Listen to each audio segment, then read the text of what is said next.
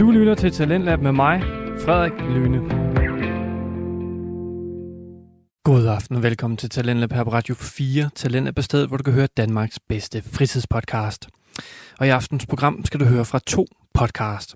Den første podcast, vi skal høre fra, det er Lyden af Nærhed med vært Lotte Pia Stenfoss.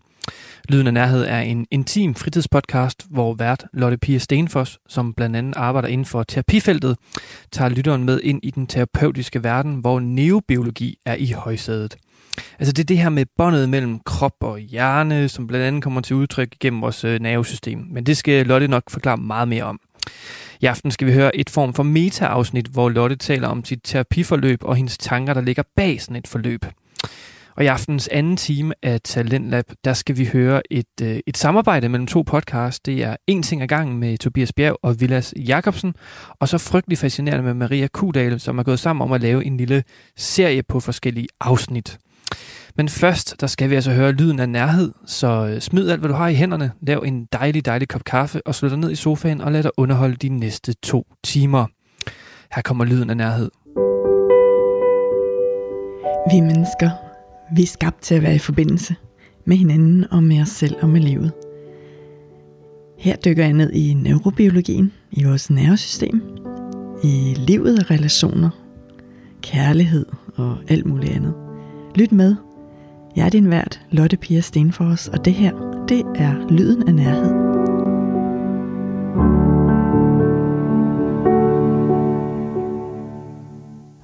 Ej, hvor føles det bare som utrolig længe siden, jeg har siddet øh, alene her med mikrofonen. Og jeg kan godt sige, at jeg har udsat øh, så mange gange og gået i cirkel omkring, inden jeg, inden jeg lykkedes at sætte mig ned og trykke på optag-knappen. Øhm, ja, hvorfor? Øhm, men jeg blev sådan helt nervøs for at, at sidde her og tale til jer igen. Ikke for, ikke for at tale til jer igen som sådan, men fordi jeg har mm, vil prøve at på en eller anden måde opsummere. Jeg vil prøve at sige noget om de her fem terapisamtaler, som har været den her sæson som har været sendt ud gennem foråret og sommeren. Og mm, jeg vil så gerne få sagt alle de ting, jeg synes var vigtigt, og jeg vil så gerne få fat i essenserne, og jeg vil så gerne ja, sige noget vigtigt. eller sige noget, der gør en forskel, eller ja. Og så sender netop den der del af mig, som siger, at det er det, jeg skal lykkes med, den sender mig simpelthen ind i en tilstand, hvor jeg nærmest ikke kan tænke. Og jeg ved ikke, om I kan genkende, hvordan det er sådan nogle ting, jeg har talt om gennem alle de episoder, jeg har lavet i Lyden af Nærhed. Det her med, hvor vi kommer i en tilstand, hvor vi bare ikke har um, egentlig rigtig adgang til det hele af os. Alle vores ressourcer. Mm. Jeg sad her, og så kiggede jeg på, på hvad jeg har skrevet i beskrivelserne af de fem episoder. Og, og når mens jeg læste, så kunne jeg jo ligesom mærke, øh, hvordan det var at have samtalerne, da jeg havde dem, og hvor, øh, hvor meget ærefrygt jeg havde over at få lov at tale med mennesker, som jeg jo aldrig havde haft sessions med før. Hver eneste øh, af dem var jo nogen, der havde som, jeg, som det var første gang, jeg talte med dem på den her måde. Mm. Og nogle af dem også første gang, jeg overhovedet talte med dem. Og så hvordan det hele er så anderledes nu, noget tid efter. Som det som regel er. For os alle sammen. Øh. Mm. Og jeg har ikke lyst til at falde i den der fælde med, at jeg bare sidder og prøver at sige noget klogt. Nemlig fordi jeg kan høre mine dele inde bagved, som siger, kom nu, sig nu noget, og du skal sige det på den måde, og det skal være meget sådan savligt, og ja, ja, ja. Mm. Det, det var, var og er stadigvæk øhm, virkelig at man kan sige, lægge hovedet på blokken for mig, eller blotte halsen, måske vil, vil sådan en som mig sige, som er dyrlæge. Mm, og forholder mig til dyr og dyrs sprog, og det er jo egentlig også det, jeg gør, når jeg forholder mig til mig selv som menneske, og når jeg forholder mig til de mennesker, der arbejder med mig. Mm, fordi mm, ja, noget af det, som jeg jo ikke kunne vise jer, var hvad det er, jeg ser. Og selvfølgelig ikke hvad det menneske, der arbejder med mig, ser, for de ser mig. I kunne kun høre. Og jeg vil ønske, at jeg kunne have vist videoen. Jeg vil gerne, øhm, ja, det vil jeg virkelig gerne. Det kan være, at det ønsker også opfyldes engang, for jeg vidste ikke på forhånd, at jeg ville få lov at få opfyldt og have de her samtaler overhovedet. Det troede jeg også var en umulig drøm. Men det at vise, så, så er jeg så nysgerrig efter, om I vil have set og tolket, hm, selvfølgelig, de samme ting som mig. Fordi der sker selvfølgelig en tolkning inde i mig af det, jeg ser. Og hvad er det så, hvad er det, jeg ser efter? Når jeg sidder der i sådan en samtale med et menneske, som har um, bedt mig om øh, hjælp og støtte til at udforske et eller andet, som er svært eller sidder fast på en måde i livet. Øhm, og nogle gange så har jeg svært ved, hvis jeg skulle sætte ord på, hvad er det jeg ser, fordi det kan være noget, der er meget subtilt, og som mm, på en måde dukker op i min hjerne som noget andet end, øhm, nu kan jeg se, at den lægger, den, eller den lægger hovedet på skrå, eller mm, løfter hånden, eller sådan noget. Tit er det me- mere som en fornemmelse i min egen krop, at den information dukker op i min hjerne. Og det er ikke fordi det er noget som helst magisk eller mystisk, eller på nogen som helst måde over, ja, jeg ved ikke engang, hvad ordet er. Det handler simpelthen om, at, at vores nervesystemer jo hele tiden kommunikerer med hinanden, og vi har dele af vores nervesystem, som spejler hinanden. Altså blandt andet spejlneuroner. Og så skal jeg give mig ud på længere forklaringer, fordi der er en masse ting, jeg ikke kan om det. Men mm, det, som jeg så ligesom finder i min egen krop, det er simpelthen, som jeg tolker det i hvert fald, så er det, at informationen jo bliver fanget af mine systemer, som er gode til at, at, at spejle. Og så får jeg informationen mere, kan man sige, gennem den højre hjernehalvdel, tror jeg, hvor det, hvor det mm, fornemmes mere, hvor det er mere som en slags øh, naturoplevelse, øh, end via den venstre, hvor det er mere kognitivt, og hvor der vil være mere sprog på det. Jeg tror, jeg tror, at det er derfor, det er svært for mig lige at beskrive nogle gange, hvad det er, jeg ser efter. Nogle gange er det selvfølgelig mm, sådan meget konkret, altså at jeg ser, at der kommer noget bevægelse i en hånd for eksempel, og så kan jeg tale til det. Eller at jeg kan se et eller andet med, at kroppen vrider sig til den ene side, eller jeg kan selvfølgelig også se på en måde, at vejrtrækningen ændrer sig, men det er ikke noget, jeg sådan sidder, jeg sidder ikke og holder øje med det. Det er det, der egentlig er fascinerende også for mig. Mm, jeg sidder egentlig ikke og tænker, nu skal jeg sørge mig holde øje med, hvad der sker med kroppen, for hvis jeg gjorde det, så tror jeg, jeg ville blive blind for, hvad det var, der foregik. Det er som om, jeg skal kunne være til stede i, øh, som jeg siger, den der højre hjernehalvdel og den venstre samtidig. Det er vi jo, det er vi jo hele tiden, men, men øh, hvordan siger man det på dansk? Altså på engelsk, så snakker man om øh, attending to, altså at de to hjernehalvdele attend to the world forskelligt, og at de hele tiden, når ting fungerer godt, kan man sige, er integreret med hinanden og sender informationen frem og tilbage. Men mange af os, og meget af tiden, og, og vores kultur i det hele taget, er um, i stor grad um, sådan, at vi læner os mere på det venstre. Vi tror mere på sådan i vores kultur det venstre, det kognitive, det analytiske. Men der går vi altså bare glip af en hel masse information, som vi har brug for. Og vi går også glip af, af meget mere end det, fordi den måde, som den hjernehalvdel opfatter verden på, er at den er alene, og at øh, sociale ting ikke betyder noget, forbindelse ikke betyder noget, og at alting er meget sådan, ja, analytisk. Og det ved vi alle sammen godt, at, at sådan er det ikke, faktisk. Men vi har altså udviklet en kultur, hvor man ikke regner som så vigtigt, øhm, det der ligger mere til den højre hjernehalvdels verden. Og det er sådan set et, et sidespor, jeg har bevæget mig ud på, kan jeg høre. Mm, men det er alligevel noget, der var vigtigt at sige noget om, fordi jeg tror, at det ligger i som en del af fundamentet for den måde, som, som jeg lige arbejder på. Og det, det er nok det, jeg sidder og prøver at sige noget om. Og igen, så lægger jeg hovedet rigtig meget på bloggen her, fordi jeg taler uden manuskript. Og jeg taler selvom jeg på forhånd ligesom har tænkt, at ah, men øh, hvad skal jeg også sige om det, og det er da heller ikke interessant. Og, og jeg har også skulle øh, stå på skud for, om man overhovedet kunne lave podcast, podcast af det, som jeg har lavet podcast af, de her fem samtaler. Jeg har virkelig skulle holde fast i mig selv og sige, mm, jamen, det er ikke noget, jeg laver for hver eneste menneske i hele verden, det her. Jeg laver det for dem, som er interesseret i det. Også selvom det måske ikke er nogen. Det har det så været. Der har været mange. Og det har betydet utrolig meget for mig at få at vide, at øh, det har givet noget til dem, det har givet noget til. Selvfølgelig ud over, hvad det har øh, givet til, til dem, som deltog i samtalerne. Og det er jo det, der mm, er målet.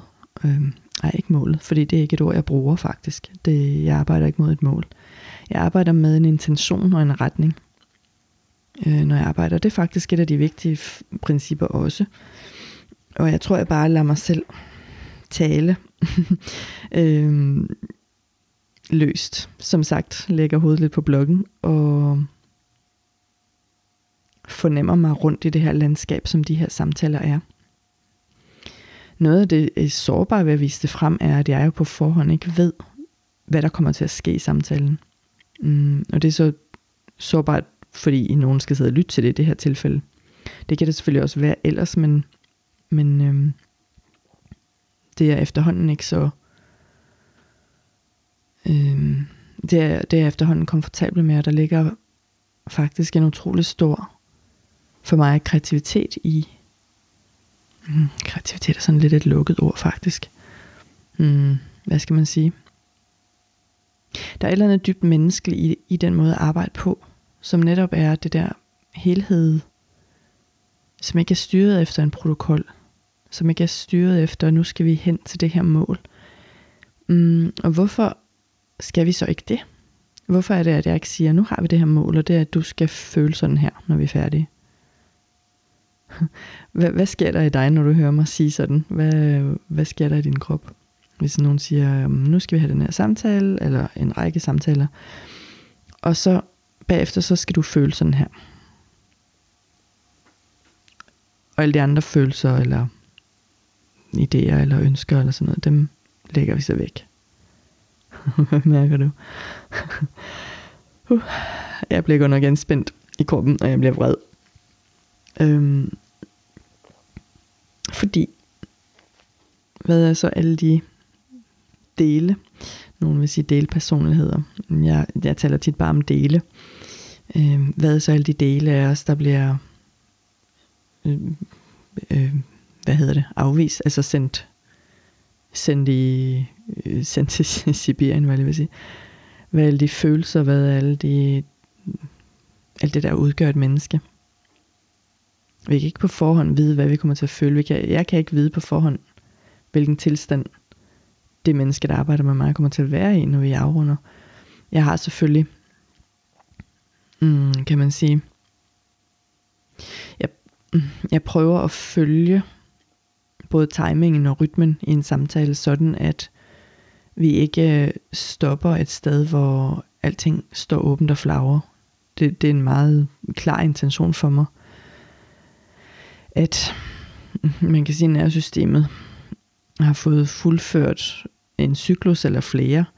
Øh, cyklus er sådan set bare et ord, jeg finder på, men det er fordi, jeg har sådan et billede af sådan et, et stort møllehjul, der drejer rundt, hvor der, hvor der, når der sker en aktivering i os, øh, et eller andet berøres i os, en følelse, et minde, en, en tilstand, som stiger i intensitet, og hvor mit ønske i et arbejde, enten det er en samtale, eller hvor vi også arbejder fysisk med kroppen, som jeg jo tit, tit gør. At ved hjælp af det, så, så får organismen simpelthen bearbejdet noget, som var ufuldstændigt, kan man sige. Og det der store møllehjul drejer gennem den, gennem den reaktion, den respons, de følelser, de billeder og fornemmelser i kroppen og udtryk, der kommer, og som er på et eller andet tidspunkt blevet holdt tilbage, fordi det har været nødvendigt. Og når det så har fået lov til at bevæge sig gennem kroppen, som alle vores følelser gør, det kan ikke, ingen intet af det her kan adskilles. Følelser er i kroppen, vores oplevelse af verden er i kroppen og i hovedet samtidig. Det, det hele er der samtidig. Når det så har fået lov at bevæge sig gennem kroppen, når vi har mærket det, og vi har måske rystet, eller grædt, eller grinet, eller mm, haft alle mulige tanker og billeder, og lavet alt muligt arbejde, så drejer møllehjulet ligesom til, til en fuld runde, og systemet lander, kan man sige, i sådan en tilstand af at være rimelig afslappet, øh, som regel ret meget i live. Man kan godt være træt, fordi nervesystemet har gjort et arbejde. Det er sådan en workout for nervesystemet at arbejde på den her måde. Men man er ikke sådan man er ikke sådan mm, flad eller øh, fuldstændig slået ud eller sådan noget. Man er, man er ligesom, mm, jeg vil helst have, øh, at vi er afsluttet et sted, hvor kroppen og systemet er ret reguleret. Og på en god dag, så er det der med at være reguleret, at man føler sig rolig og i live samtidig. Og det har jeg heldigvis oplevet både selv mange gange, og også haft øh, klienter, som har sagt varianter af det efter timerne. Lige nu så føler de sig ligesom klar til et eller andet, samtidig med det måske kan være træt at have lyst til at hvile. Øh, de føler sig ligesom rolige og klare. Og det er jo nogle af betegnelserne på den tilstand at være i regulering. Altså det her med, at vi føler en klarhed, vi føler os vi føler os til stede i os selv. Vi føler os, øh, at vi har lyst til et eller andet, eller har en, en klar målsætning om noget, eller en nysgerrig på noget. Vi føler os i stand til at hvile, vi føler os i stand til at være i aktivitet, og vi er i stand til at være forbundne og mærke forbindelse med os selv, med verden, med andre mennesker. Det er en af egenskaberne ved at være reguleret. Og når vi er i, i øh, yderkanterne, enten vi svinger til, til ligesom at lukke for følelserne, eller til at de overvælder os, så er vi ingen af stederne helt i stand til at være i forbindelse med nogen andre. Selvom enormt mange Hollywood-film viser mennesker i de tilstand, det er så et sidespor igen, jeg har, og hvordan de så indgår i alle mulige kærlighedsrelationer, jeg vil ikke være ud fra enten sådan nogle vilde følelsestilstande, eller sådan nogle meget logiske nogle, hvor jeg bare tænker, uh, mm, ja, det er fuldstændig vildt, det billede, der bliver serveret os af, hvad det, hvad, hvad det faktisk vil sige at være tæt på nogen.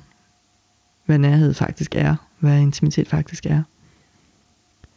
Øhm, jeg har sikkert sagt det før, men det der med at tage fejl af intensitet og tro, at det er intimitet. Det er sådan en god sætning, som jeg har set et eller andet sted. Nå.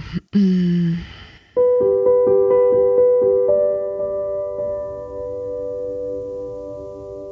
de her samtaler, som blev sendt, de var den første samtale med hver enkelt af personerne. Og de var ret forskellige. Det blev de, øh, selvfølgelig. Fordi det var fem forskellige mennesker. Og fordi jeg jo på forhånd overhovedet ikke ved, hvad det er, der, vil blive, der kommer til at blive taget op i de samtaler. Jeg, jeg ved ikke noget på forhånd simpelthen. Og det gør jeg, gør jeg normalt heller ikke det som jeg så ikke har haft muligheden for at vise jer, det er jo selvfølgelig, hvad der sker, når man fortsætter med at have samtaler gennem noget tid. Og det vil jeg gerne have vist. Jeg vil gerne sådan set have vist den samtale, der var mm, et nummer, et godt stykke ud i rækken, hvor der er virkelig blevet bygget en masse tillid mellem øh, terapeuten og det andet menneske. Øhm, der er så nogle jamen det var nogle dage siden, at jeg havde øh, en samtale med en, som har arbejdet med mig et stykke tid, og hvor, hvor jeg virkelig kunne betragte mig selv, mens jeg arbejdede, for, for det gør jeg jo, det er også et af, en af, et af fundamenterne er jo, at jeg har sådan et indre vidne, som også observerer mig undervejs. Det, det er ligesom nødvendigt, som observerer mig, og, og hvad jeg styres af indeni, og hvilke ting, der dukker op i mig, hvad der berøres i mig og sådan noget men hvor jeg kunne observere undervejs, mens vi arbejdede, hvordan jeg virkelig med det her menneske, som, hvor vi så har arbejdet sammen noget, over noget tid, så kunne jeg med ret stor naturlighed virkelig udfordre øhm, udfordre det menneske, der arbejdede med sine ting med mig. Og hvad mener jeg med det? Øhm, udfordrer det er ikke sådan noget fra en partilederdebat i fjernsynet. Jeg har lige set, jeg har lige set borgen. Men mm, hvor jeg turde tage chancen og for eksempel kommentere, at en, en øh, meget ung børnedel kom i aktivitet. Det ville jeg aldrig have turet med en, som jeg ikke havde arbejdet over et stykke tid med, fordi så ville jeg ligesom ikke have kunne vurdere, hvad der egentlig foregik. Men her så tog jeg for eksempel at, at følge min klare fornemmelse af, og også for det følge, at vi, det her havde vi samtalt om, at det lidt var sådan en vane reaktion, at, den der, at det børneudtryk kom. At det faktisk ikke egentlig var udtryk for så meget frygt, det var mere sådan en, en vane. Og at det faktisk kan være virkelig, man kan have enormt stor lyst til at blive i sine overlevelsesreaktioner. Og jeg, og jeg havde heller ikke turet at tale til det, hvis ikke jeg selv havde personlig erfaring med at sidde i lige nøjagtigt den øh, situation selv. For jeg har selvfølgelig som terapeut egen terapi. Og til, og til det vil jeg bare sige, at, øh, at hvis ikke man har arbejdet med sine egne ting, så, ja, så øh, synes jeg ikke, man skal arbejde med andre mennesker. Mm, og det er for øvrigt noget, man løbende gør. Sådan gennem livet og på forskellige måder i forskellige faser. Men det der med at, at ture ud, altså udfordrer jeg, jeg bryder mig egentlig ikke om det ord, fordi det lyder som om, mm, man ligesom mener, at man ved noget bedre end den anden, og det er nemlig ikke det, det drejer sig om. Jeg ved selv, hvor stærkt jeg reagerer på. Jeg har desværre oplevet, øh, at øh, du ved det der, som sikkert mange har oplevet, at nogen mener, de ved bedre end en selv, hvordan man har det. Og det er frygteligt. Og det er ikke det, der er min rolle som behandler.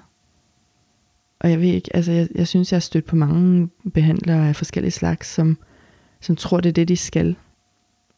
Mm, jeg synes egentlig i det hele taget i terapeutrollen, og nu våger jeg mig ud på noget, her kan jeg mærke, og det er vigtigt, så derfor gør jeg det. Øhm, noget med magt, magtubalancer, magtskævheder. Det er et enormt tema for mig, og det er noget, der måske tales for lidt om. Mm. det der med, at hvad er det, vi søger, når vi, når vi søger behandling? Mm. Og hvor jamen netop en af de skader, man kan have, når man har traumer på lager, kan jo være noget i forhold til auto, øh, autoriteter. Eller at der nok er nogen, der, der ved bedre end en selv hvad der er rigtigt og sådan noget. Altså det er svært at finde ord for det lige nu faktisk, men, men der er noget enormt vigtigt der, der handler om det ansvar, man har, når man på nogen som helst måde får lov til at vejlede et andet menneske. Og selvfølgelig især, når det menneske er i en eller anden øh, mere sårbar tilstand, som vi jo, kan man sige, måske er, når vi opsøger hjælp. Men det er, jo ikke, det er jo ikke hjælp som til en, der er svagere end en selv det er ikke på den måde, det skal tolkes. Eller at man ligesom har svarene, eller skal overtage noget. Det, det, det er mellem to mennesker, som har forskellige, som tager forskellige roller, og har forskellige, hvad skal man sige, uddannelser og kundskaber og metoder og sådan noget. Ligesom jeg tager på værksted med min bil, fordi jeg ikke selv kan reparere den. Og nu mener jeg så ikke, at man reparerer et menneske, så det er ikke, det er ikke en direkte metafor på den måde. Men man opsøger nogen, der kan et eller andet, som man ikke selv har lært. Og så udveksler man et arbejde. Mm. Du lytter til Talentlab med mig, Frederik Lyne. Vi er i gang med første time af Talentlab her på Radio 4, og vi er lige nu i gang med at høre fritidspodcasten Lyden af Nærhed med vært Lotte Pia Stenfoss. Vi skal nu høre lidt mere om det her magttema, og hvilken rolle det egentlig spiller i Lottes eget liv. Lad os da bare vende tilbage til podcasten. Her kommer lyden af nærhed. Det der med magt og magtskævhed, det er, som jeg sagde, det er sådan et virkelig vigtigt tema for mig, der har været på spil i mit eget liv på alle mulige forskellige måder. Mm. Alt fra selvfølgelig ja, men øh, for eksempel som, som ny fastansat på universitetet og efter det første møde, hvor en af de ældre professorer sagde til mig, da alle de andre var gået, at jeg var nok blevet ansat for at sidde med miniskørt og file negle. Der var jeg altså lige blevet fastansat i staben på universitetet, ikke? Som, øh, som ret ung. Sammenlignet med, hvad man normalt er, når man får den type stilling. Og andre versioner af magtskævheder af oplevelser. Og når jeg taler om oplevelser, så taler jeg også om, hvordan vores krop kan opleve afmagt og magt. Uden at der nødvendigvis er nogen, der ligesom prøver at udøve for meget magt. For det er ikke det, jeg taler om i det tilfælde her med, med det der pis om miniskørt og neglefil. Så var det selvfølgelig en, der udøvede en magt. Eller jeg synes jo, det er en pissemyr, der siger sådan noget til et andet menneske, så måske er det afmagt. Men for eksempel i øhm, situationer på sygehus, som jeg har været rigtig meget i, som jeg har talt om i nogle af episoderne, så kan ens krop, ens følelser, ens hele jeg selvfølgelig opleve, at man er enormt afmægtig. Det ved jeg, at jeg har oplevet selv i mange af de situationer. Og det er ikke fordi nogen gør noget forkert. Det er simpelthen bare, at man er i en situation, hvor man, man har ikke kontrol over det. Og hvor man er, mm, man er nødt til at, at gøre noget, som, som kroppen virkelig, virkelig ikke vil, for eksempel. Altså gennemgå en smertefuld undersøgelse af et konkret eksempel. Mm, og, og der sker nogle ting der, med de her dybe oplevelser af at have kontrol over sig selv eller ej, af magt, at nogle andre har magt over en, at man selv er afmægtig. Og jeg registrerer jo med det her viden, jeg har, hvad der sker i min egen krop, mens jeg sidder og taler om det. Blandt andet, jeg sveder lidt, jeg kan mærke, at der ligesom er sådan en, øh, har været sådan nogle glimt af, øh, at mit system fortæller mig om, at der er noget fare på færre. Og det, det får mig så ikke ligesom ud i overlevelsesreaktioner, fordi, mm, ja, fordi jeg arbejder nok så meget med min krop og mit nervesystem, at, at øh, det er som at det automatiske stabilisator slår ind af sig selv. ligesom sådan et eller andet. Jeg ved ikke, er det ikke et skib eller et fly eller sådan noget, der har sådan nogle? Ja. Og jeg har også mange andre oplevelser af bagagen, som er mm, større, vigtige og, og mørkere, som handler om magt og nogens magtmisbrug. Og det, øh, det skal bare tales om sådan nogle ting. Og det er enormt vigtigt, at vi taler om det i forbindelse med alle former for terapi og behandling. Fordi jeg også ved, at der foregår en hel masse ting, som ikke burde foregå, og som gør mere skade end gavn. Eller, i, eller i hvert fald i bedste fald ikke virker rundt omkring. Man skal tage stilling til den rolle, vil jeg sige. Man skal tage stilling til ens egne intentioner, og med det mener jeg, at de indre os. De der indre ønsker og længsler og øh, vreder og forskellige ting, som, som er inde i en, når man som menneske skal arbejde med et andet menneske. Og jeg gør det stadigvæk øh, før, før sessioner, som jeg holder som terapeut, hvor jeg ligesom tjekker ind med mig selv, hvordan har jeg det egentlig i dag. Jeg skriver det også, når jeg, sidder, altså når jeg skriver notater, så skriver jeg på forhånd, hvordan har jeg det. Sådan jeg har noteret det. Hvad, hvad har jeg, hvad, hvad foregår der lige for mig? Bare sådan et par ord. Fordi jeg skal have kontakt med, hvis der er noget i mig, der har det rigtig skidt. Sådan at det ikke begynder at, at prøve at få sine behov opfyldt ved at, at føle mig som en succes. Ved den anden. Fordi hvis det sker, så mister jeg min nysgerrighed. Fordi jeg simpelthen mister min regulering. Husk, at jeg, det der, som jeg taler om, at nysgerrighed, det er en af egenskaberne, der opstår, når vi er i et reguleret nervesystem. Så alene det at, det kan være et lille trick faktisk, eller nej, jeg kan ikke lide tricks, fordi det handler ikke om at trigge sit nervesystem. Men en af måderne at komme i kontakt med lidt regulering kan være simpelthen at tænke, tænke på nysgerrighed, eller ligesom tage kontakt med i sig selv. Nysgerrighed. Fordi alene det at tænke på det, kan faktisk få os lidt mere ind i regulering. Eller tænke på at være, øhm, altså tænke på at have det behageligt og, og, og føle velvære. Kan, kan lige hjælpe os lidt, lidt længere ind i vinduet, eller hvad man nu skal kalde det, nogen taler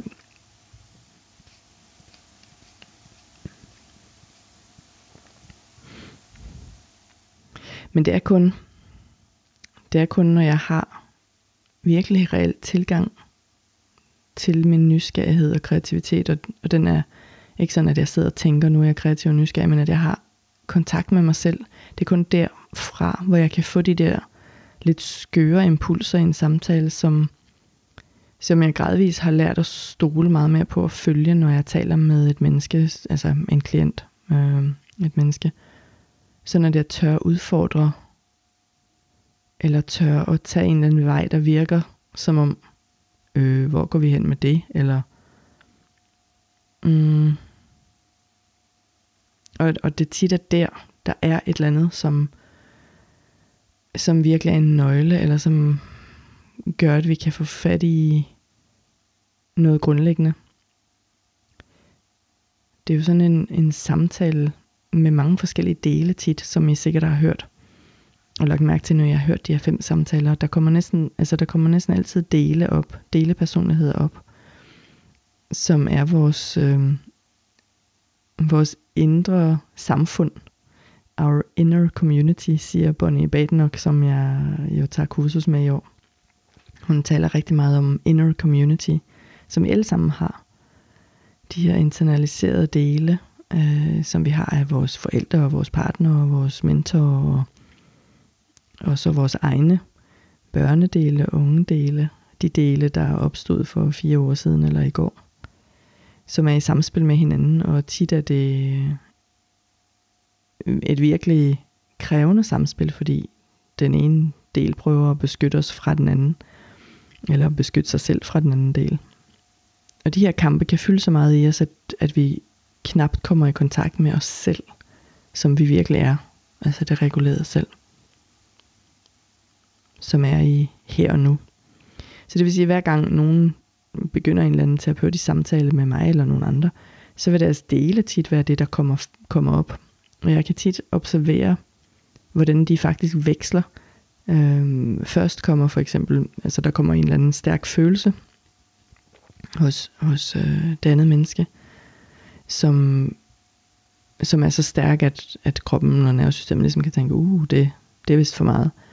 Og fordi det så er for meget, eller at øh, i hvert fald nogle dele tror det er for meget, så vil den første del komme op, som kan være for eksempel at gøre klienten meget træt og meget ligeglad, og jeg kan se, eller jeg kan mere fornemme, at, at personen ligesom glider væk, blikket glider væk, og, og hvis jeg lader min, øh, min ligesom sansedel tale, så siger den, at personen lige pludselig er langt væk. Det kan være den første beskytter. Og det vil så være, at øh, nervesystemet går i underaktivering, kalder man det. Som jo egentlig er lidt åndssvagt udtryk, altså hypo-arousal. Jeg synes, det er lidt åndssvagt, fordi der er meget høj stressaktivering i det. Øhm, så, så det, ja, jeg synes, jeg synes ikke hypo-arousal fungerer så godt som udtryk man kan sige, at den går til shutdown-delen af skalaen.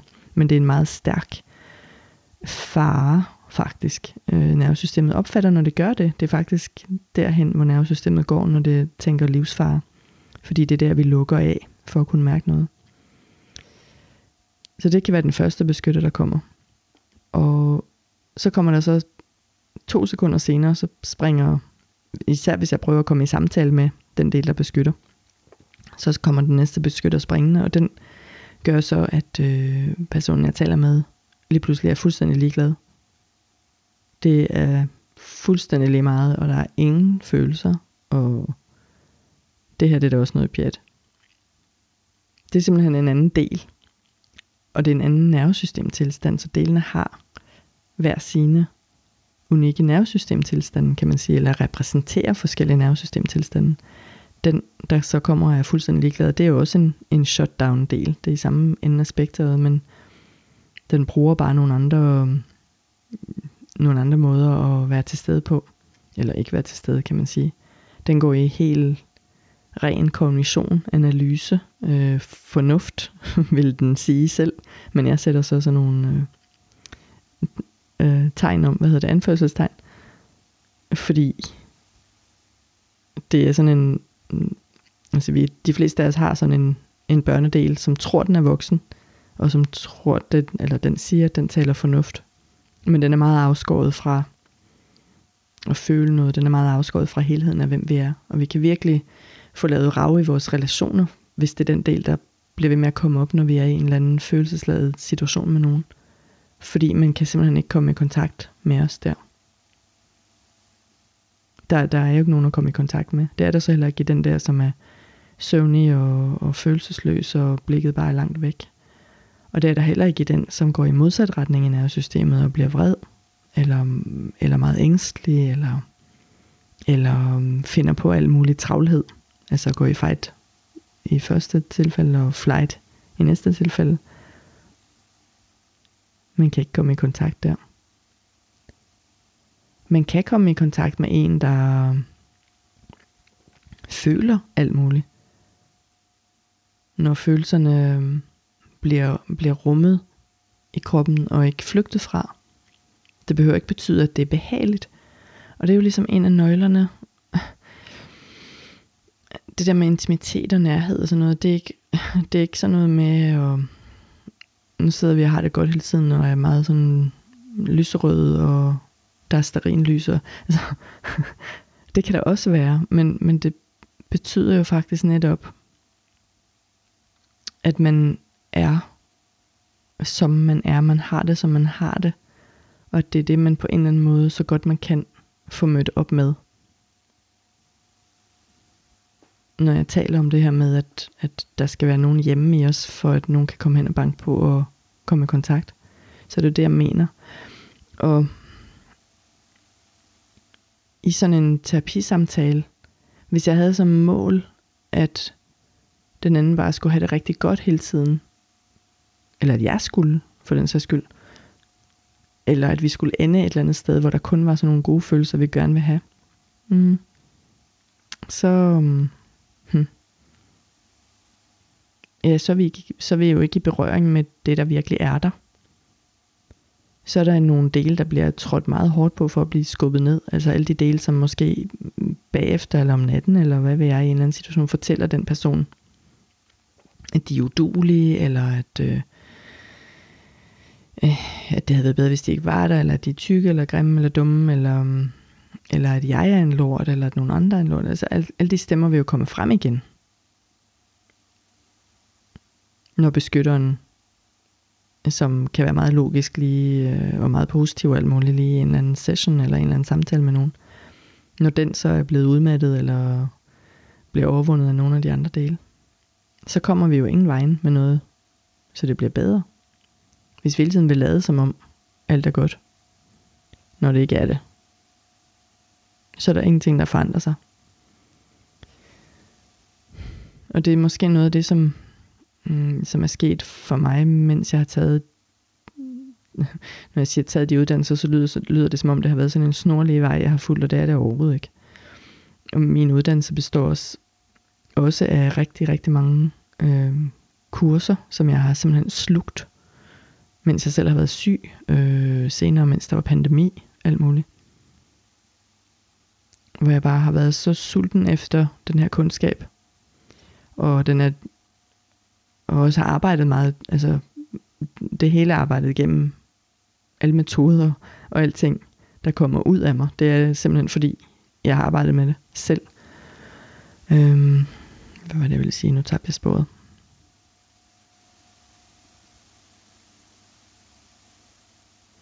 Jo, noget af resultatet af alle de her veje og omveje gennem metoder og terapi og udvikling. Jeg har taget af det der med at, mm, at kunne ligesom rumme, at jeg føler et eller andet, der ikke er altså behageligt, eller at nogen andre gør det. Og jeg mener det ikke som, at jeg bare hele tiden kan tåle alt muligt ubehag. Det er slet ikke det faktisk. Det handler ikke om at Mm-hmm. jeg havde den sætning at kunne tåle en hel masse. Det er også derfor, jeg ikke bryder mig om det, tid, det første begreb, det der tolerancevinduet, som man nu heldigvis mange kalder øh, nærværsvinduet i stedet for. Jeg kan meget bedre lide window of presence, end jeg kan lide window of tolerance. For det handler altså ikke om, at man skal kunne tåle alt muligt, man ikke kan tåle. Men det jeg prøver at sige, er, at sådan helt genuint, så kan jeg godt være ret nysgerrig og interesseret, og det er ikke så oprørende for mig, at der er nogle ubehagelige følelser. I hører for eksempel noget i, i, øhm, i den episode med Nina, hvor hun, øh, jeg kan ikke huske hvad temaet er, men hun sætter en grænse over for mig, og det er så fedt. Og det ville det måske ikke have været for nogle år siden, og det er der desværre rigtig mange behandlere, inkluderet øh, universitetsuddannede psykologer, som vil have det svært med, og jeg har selv oplevet det som klient. Bare så det er sagt. At de ikke kan, altså at de, så kommer deres personlige ting i sving, hvis nogen sætter en grænse over for dem, mens jeg heldigvis også har haft øh, blandt andet en fantastisk kropsterapilærer, som jublede første gang, jeg blev virkelig vred på hende. og det var den fedeste erfaring at få. Fordi jeg havde arbejdet så længe, før jeg var i stand til at udtrykke den vrede. Øh, og få fat i den. Og det var jo der, der hvor jeg, der, hvor jeg startede øh, terapiuddannelse, handlede rigtig, rigtig meget om det her grænse og, sensitivitet, grænse- og sensitivitetsarbejde, eller grænse- og behovsarbejde, som jo er noget af det, som jeg altid har med. Og det handler jo så om nervesystemet i bund og grund. Det handler om tilstanden i os, og om at kunne mærke det, der allerede foregår. Det, som vores krop allerede siger. Det er ikke som, at vi pludselig får behov, eller grænser, eller fornemmelser. De har simpelthen været der hele tiden og talt hele tiden, og det er så det, at vi genoptræner. Jeg vil sige trygheden til at kunne høre dem, fordi det handler ikke om, at man, at man ikke vil mærke. Det handler om, at systemet ikke føler sig trygt nok til, at vi kan mærke, hvordan vi faktisk har det. Fordi livet på forskellige måder har lært os, at det ikke er trygt at mærke, hvordan vi har det, eller udtrykke det. Og for at vi skal undgå at udtrykke det, så er det også bedst, at vi ikke mærker det. Så det er også skjult for os selv. Og tro mig, det er noget, jeg stadig arbejder med selv. Altså når vi bruger ord som autentisk for eksempel, hvad mener vi med det? Altså hvad mener vi? Hvem mener vi er i stand til at være autentisk hele tiden? Og være ægte og sådan noget. Og jeg bruger også de ord selv. Fordi, hvordan skal vi ellers sige det? Mm. Og jeg ved også bare, at det kan være virkelig, virkelig, virkelig en lang, lang proces. At kunne mærke, hvordan man har det med noget. Også i de situationer, hvor der er mest på spil. Når man sidder sammen med en, man holder virkelig meget af. Eller elsker, eller håber elsker en, eller respekterer en, hvis det er en professionel sammenhæng, eller hvad ved jeg, en eller anden, hvor det virkelig betyder noget. Altså at komme dertil, at man kan mærke sig selv og nuancerne, og kan formidle det på en måde, som ikke prøver at manipulere den anden, eller os selv, eller situationen, og ja, vi skal ikke forlange af os selv, at vi kan gøre det hele tiden, eller noget som helst i nærheden er perfekt. Det tror jeg, det er en illusion, hvis vi tror, det er det, der er at være autentisk. Jeg tror mere og mere, at, altså, og det er efterhånden som min egen øh, selvmedfølelse er vokset. Nogen bruger ordet empati, men det er faktisk en anden nervesystemtilstand, som er, er mere kortvarig og ikke så helt kropslig, men medfølelse er en, en anden øh, indstilling i hjernen med nogle andre øh, signalstoffer, og den er meget mere vedvarende. Den er, hvad skal man sige, mere bæredkraftig. Men min selvmedfølelse er simpelthen vokset gennem mit eget øh, helingsarbejde. I mangler bedre ord, jeg kan heller ikke lide ordet heling, men altså, hvad filen skal vi kalde det her ting? Nej, jeg vil sige, det er en af de ting at sige til mig, hvad fanden skal vi kalde det her ting? Alle ordene er ligesom på en eller anden måde blevet annekteret af sådan en ret lyserød kvaksalververden, altså den wellness-industrien er utrolig meget øhm, mange behandlingsformer, som ikke har nogen belægning i i, kun, i virkelig kundskab, og som i meget stor grad bruger forskellige former for flugt, dissociering, spirituel dissociering, eller andre former for, mm, altså man kan kalde, mm, nogen kalder det også bypassing, og jeg har talt om de her ting, tror jeg, spiritual bypassing, spirituel bypassing, at man, øh, at vi ikke skal føle noget, at vi ikke skal have kroppe, at vi ikke skal være jordiske mennesker, som lever et jordisk liv, med de betingelser og vilkår, vi har, og med de øh, svagheder og styrker, vi har, hvor vi virkelig er hele mennesker. Altså de her ord om heling og autentisk og kærlighed og øh, altså noget, de ord, de er ligesom blevet snuppet af den verden, og jeg har det så svært med det. Fordi det er svært at finde et sprog for det, som jeg laver også.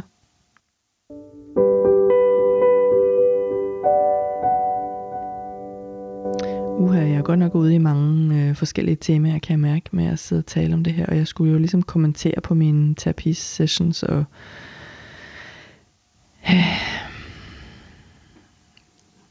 ja, men det her det er virkelig, altså, det er virkelig vigtigt for mig at sige noget om det der med, hvad mener vi, når vi siger være i kroppen for eksempel? Hvad mener vi, når vi taler om heling? Fordi vi så nemt ordene er kommet ligesom til at betyde, at det, der sker sådan noget mirakuløst, og så bliver alting bare bedre, og så er vi perfekte og sådan noget. Og det er det, den der verden, den der wellness-verden, og den der bypassing-verden lægger op til, med magi, og med quick fixes, og med, de snakker om at biohacke nervesystemet. Jeg hader det. Altså, det kommer fra, de taler om at være i kroppen, men, det, men ordene og den måde at tænke på det på, kommer fra noget, der slet ikke er i kroppen, der slet ikke er i, hvad det vil sige at være til stede i sig selv, være nærværende, for det er ikke at være positiv hele tiden. Det er heller ikke at være negativ hele tiden, det er at være helt, det er at være, som, ligesom, som jeg siger nogle gange, det der med, hvad, hvad er det vores nervesystem gør, når det er reguleret? Jo, det reagerer på den situation, der faktisk foregår her og nu, på en adekvat måde. Om det så er at blive hysterisk, eller falde i søvn, eller være sur eller glad, eller hvad det nu er, eller kede sig, hvis det er det, situationen tilsiger. Det er det, det vil sige at være reguleret, det vil, eller at have et sundt nervesystem, fordi vi skal ikke hele tiden være i regulering. Når situationen er til det, så skal vi flyve ud i fight-flight. Vi skal flyve ud i freeze, hvis det er det, der skal til. Vi skal flyve ud i dissociation, hvis det er det, der skal til. Det er det, vi har et nervesystem for. Og nej, det er ikke altid hensigtsmæssigt under de omstændigheder, som vi som moderne mennesker lever under. Fordi den moderne tid er så kort, kan man sige, sammenlignet med alle de hundredvis af millioner af år, som er gået forud for, og som er der, hvor vores nervesystem udviklede sig. Så det opfører sig jo ikke som om vi levede i en verden med alle de digitale input, vi har, og med et moderne samfund med højt tempo og, og øhm, mulighed for at få tilfredsstillet alle mulige øh, begær, som vi har, altså for eksempel efter, efter øh, mad, eller, eller øh, sukker og så videre, men også følelsesmæssigt, og i antal stimuli, vi modtager, vores, vores gamle, hvad skal man sige, hjerne kan jo slet ikke følge med, vores krop i hvert fald ikke. Og vores øh, belønningssystemer kan i hvert fald ikke følge med. i, i, hvordan vi har tilgang til noget, der hele tiden kan få dem til at fyre sig op. Ja, og så kommer der nogen og siger, at hvis du bare mediterer på den her måde, hvis du bare følger de her tre råd, hvis du bare øh, laver den her intense rituale ting, hvor du mister dig selv fuldstændig i noget, der ligner en eller anden kæmpe forløsning, hvis du bare jeg ved ikke, altså spiser det her, eller ja, så får du det godt hele tiden, eller så har du styr på dig selv. Og kan I høre, i selve de beskrivelser, så, så ligger der jo ikke balance. Der ligger jo ikke det, det vil sige at være faktisk nærværende med, hvad det vil sige at være i live og være et menneske, fordi vi har ikke kontrol på det hele. Og det er ikke meningen, at vi skal være ubesværlige for eksempel heller. Øhm, det er ikke det, det vil sige at være i kontakt. Er der noget, jeg selv personligt arbejder med, så er det, oh, det der ord igen, autentisk, og faktisk, øh, hvad skal man sige, sige det ubehageligt, sige den ubehagelige sandhed. Fordi det kan, det kan være så indarbejdet i nervesystemets automatiske måde at forholde sig til verden på, for at gøre sig selv tryg. Fordi jeg vil cirkle tilbage til det med, at, at det er et basisbehov, der ligger, jeg ved ikke om det ligger under eller over, eller omkring alle, mulige, alle de andre behov, vi har som, fys- som fysiske væsener, eller som, som levende væsener. Det er det her tryghed. Altså Stephen Porges, som jo var ham, der skabte polyvagal teori, og, og som er, altså hvis jeg har muligheden for at lytte til ham, der ligger en masse videoer, han er fantastisk at lytte til, han er så, han er så sympatisk, og så gennemtænkt og nuanceret. Og noget af det, han siger, er, jeg tror, han er citeret meget for at have sagt, safety is the treatment. Tryghed er behandlingen. Og, og, med, og det vi ved om nervesystemet er, at det kan ikke rigtig noget som helst, hvis vi føler os for utrygge. Eller det er ikke rigtigt, at det kan noget, men det kan ikke andet end at være i beskyttelsestilstanden. Så. Og der kan vi ikke gøre Øh, så meget kontakt, vi kan ikke gøre så meget kreativitet, vi kan ikke gøre så meget heling.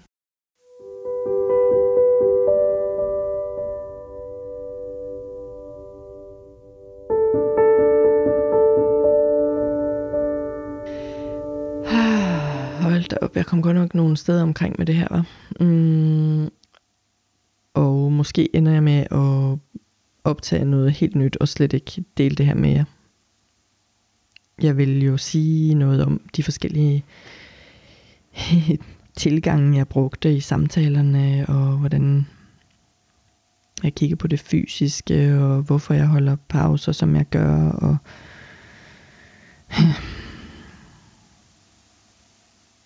Men det var bare måske ikke det, der skulle kommenteres lige nu. Jeg ved det ikke rigtigt. Jeg tror ikke, jeg havde lyst til at lave sådan en meget fornuftig episode, der kommenterede det. Der er selvfølgelig en masse interessante ting om at, om at, at tilføre noget hjælp og støtte til de forskellige dele, der kommer op, og op, også til deres forældre og hvordan det så giver plads til, at man, man ligesom har plads til sig selv, og, og hvorfor, hvilke måder jeg sådan, jeg for eksempel bruger, for at bringe noget mere tryghed ind. Øhm, der kan være mange forskellige måder, og jeg kan nogle få ting. Der er mange, mange forskellige måder at arbejde på. Øhm, men jeg havde simpelthen ikke lyst til at sidde og lave sådan en savlig gennemgang af dem. Altså, der var noget andet, der ville siges lige i dag. Og det blev så det, der blev sagt. Der var noget, der brændte i mig omkring det her ansvar, man, man har, når man arbejder med nogle andre mennesker, også med dyr, for den sags skyld, men det, er, det gør man så på en anden måde. Som I ved, så er jeg oprindelig dyrlæge, og har haft med dyr at gøre hele mit liv. Men når man arbejder med andre, og med sig selv, noget om en eller anden form for, hm, jeg vil lige sige, ædrolighed omkring at, at kende sin, at vide, at man har nogle blinde vinkler, selvom man ikke ved, hvor de er. og vide, at man har nogle metoder, og der findes alle mulige andre metoder, og at det ikke er Ja, det er faktisk en central ting. Det handler egentlig ikke om metoden så meget det er ikke det, der står forrest, når jeg går ind og arbejder. Øhm, ja, det her det er vigtigt. Du lytter til Radio 4. Du lytter til Talentlab her på Radio 4, og jeg prøver så lige ind her, da vi snart skal til, øh, ja, til nyhederne her på, øh, på Radio 4.